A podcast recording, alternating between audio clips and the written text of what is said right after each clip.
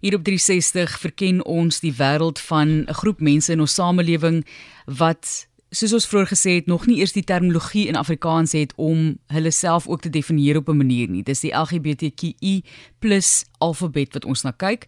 En ek weet ons verwys na alfabet, selfs ons uh, gas het ook gesê daar gaan later 'n punt kom waar mens moet wegbeweeg van die vorm van 'n alfabet, maar dis Dr. Elmarie Mulder Craig wat met ons gesels. Sy is 'n internasionaal gesertifiseerde seksioloog en ons het verlede week vir jou 'n hele oorsig gegee van wat voorlê vir die gesprek en vir jou gesê dat dit is oukei okay om jou ongemak te erken en jy's welkom om dit ook met ons te deel. Ons wil vir jou vertel van 'n groep mense en dat jy jou hele lewenservaring, die mense wat saam met ons is in hierdie pragtige land se ervaringsveld as 'n persoon kan verken. Hulle gender en seksualiteit, dit is waarop ons natuurlik volgende ook fokus en die verskil tussen biologiese seks en genderverskille.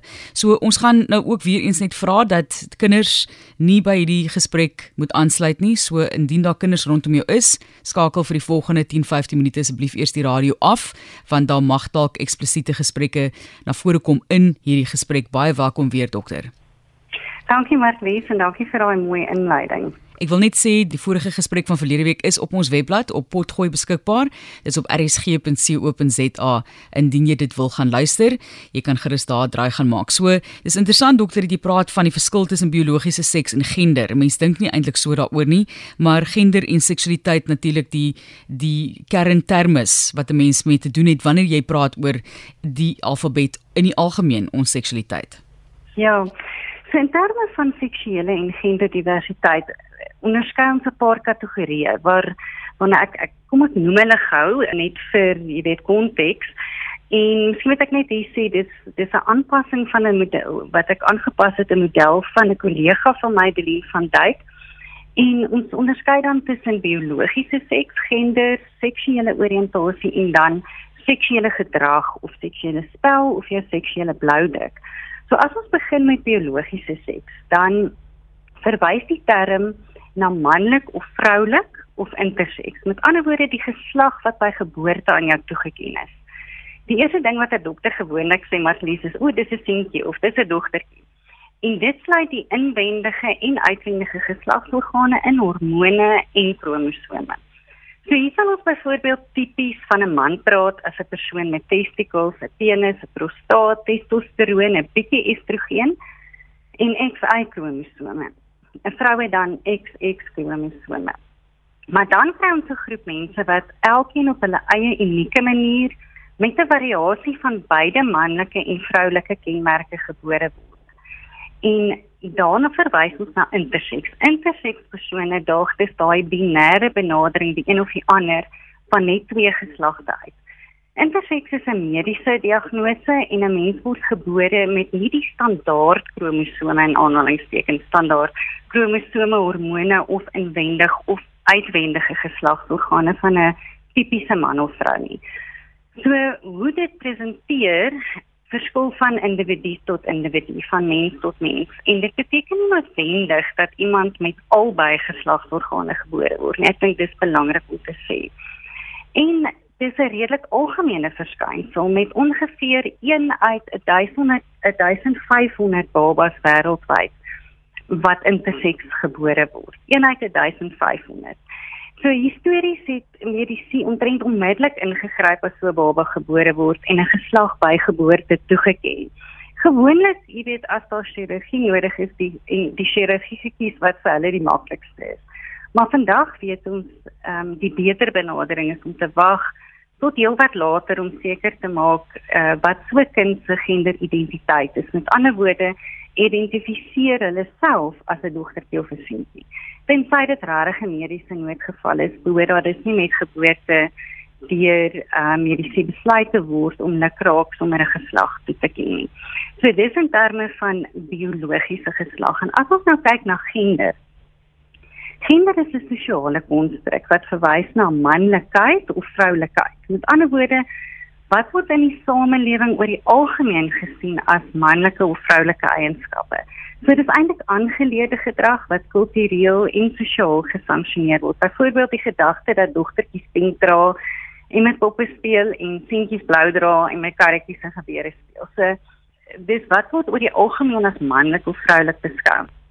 Ook die idee byvoorbeeld dat mans is logies en analities en aggressief en vrouens is sag en koesterend en emosioneel.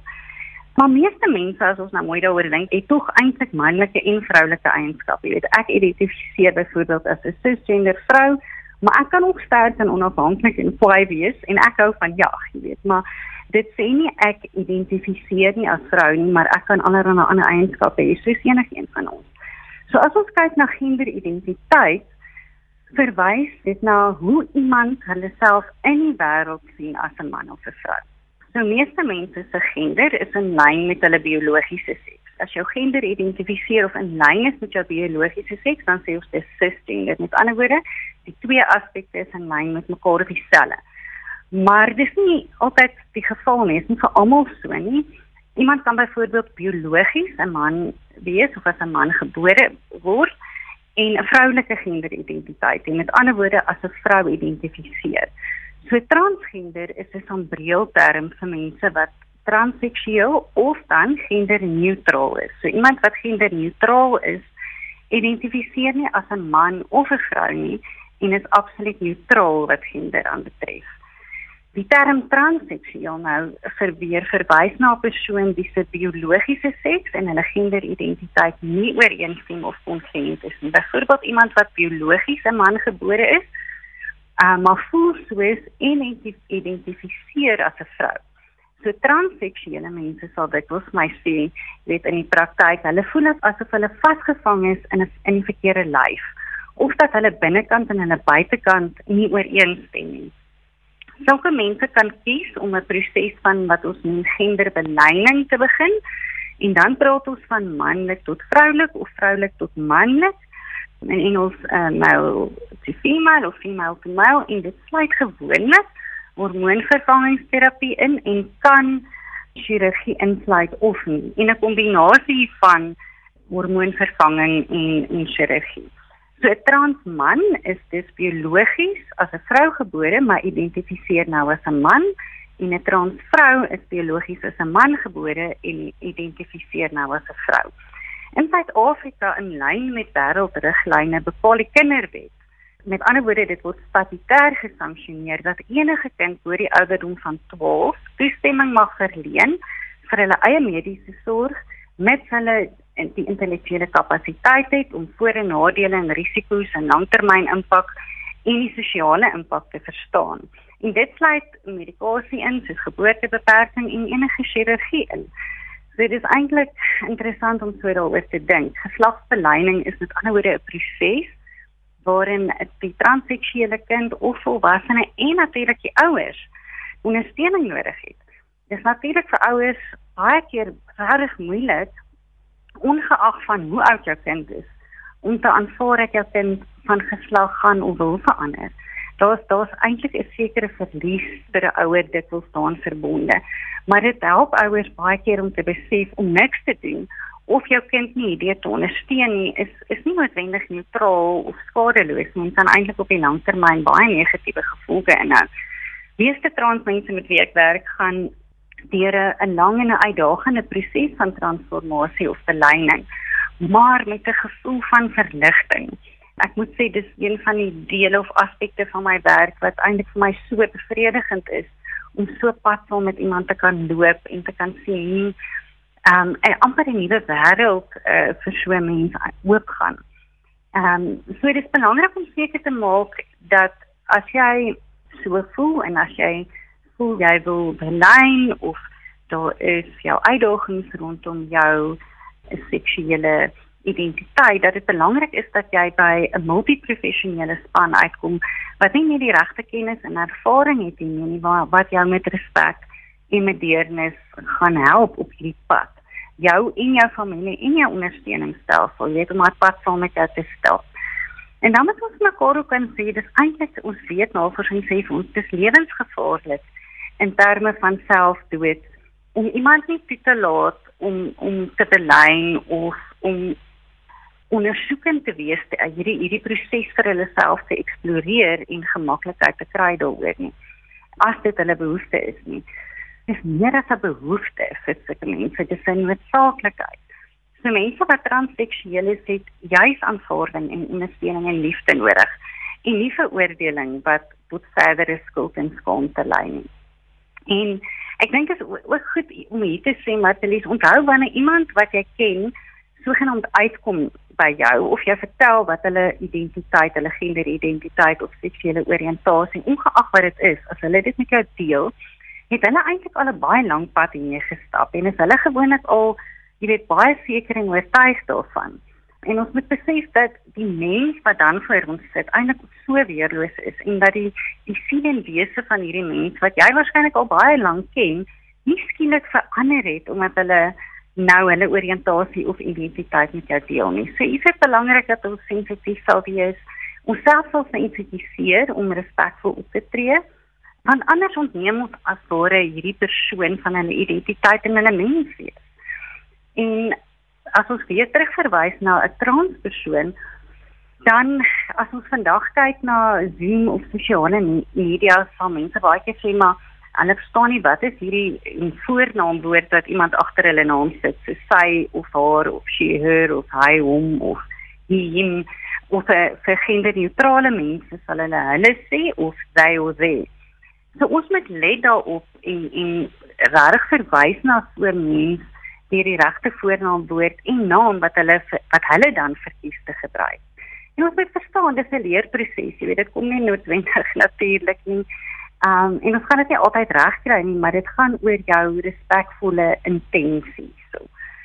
En dan 'n verdere afdeling van van hierdie kinderidentiteit waarvan ons dan nou praat is 'n transvestiet of 'n volkdosser wat verwys na meestal homoseksuele mans wat dit geniet om soms soos 'n vrou aan te trek en op te tree. Dit kan 'n seksuele konnotasie hê of glad nie. So iemand wat 'n transvestiet is, identifiseer gewoonlik as 'n man en is glad nie geïnteresseerd om 'n vrou te word nie. En so 'n persoon kan 'n hetero of 'n homo of 'n biseksuele oriëntasie hê so transgender die hele idee daarvan of die kategorie daarvan eerder daag dis die binêre benadering van manlikheid en vroulikheid uit. En 'n paar vrae hier wat ek dink ons oor kan nadink is wanneer het jy jou eie geslagsorgane ontdek? Wat is die boodskappe wat jy daaroor gekry het? Wat was die aard van jou seksopvoeding wat jy gekry het as kind? Dinger, was dit inklusief? Was dit sekspositief? is daar skuld en skaamte wat geassosieer word met jou lyf en jou seksualiteit. Dink jy jy is sensitief genoeg in terme van respek vir mense se voorkeur voornaamwoorde? Al voel dit ook vir jou, weet, dis nie konsekwent aan hulle sogenaamde biologiese seks nie. As ons kyk na die sogenaamde gender reveal partytjies, jy weet, so hoe hierdie partytjies om te sê is dit nou 'n dogtertjie of 'n seentjie, dit is dit 'n goeie idee of versterk ons dalk daardeur net hierdie binêre benadering tot geslagsidentiteit en stereotipering rondom manlikheid en vroulikheid dan? En maak jy aannames oor mense se oriëntasie of identiteit en stereotipeer jy Dit is ons gas, internasionaal gesertifiseerde seksioloog Dr. Elmarie Mulder Craig wat met ons gesels oor die sogenaamde en ek verwys elke keer daarna as 'n alfabet. Dit is die LGBTQI+ alfabet sodat ons dit saam met almal in die land van ons kan verstaan en begrip hê en empatie toon ook aan mense aan alle kante van seksualiteit, né? Nee? Dr. Mulder kry volgende week weer terug saam met ons, soos hy gesê, dan praat ons meer spesifiek oor seksuele oriëntasie en onthou die gesprekke sal op RSG se potgooi beskikbaar wees op rsg.co.za.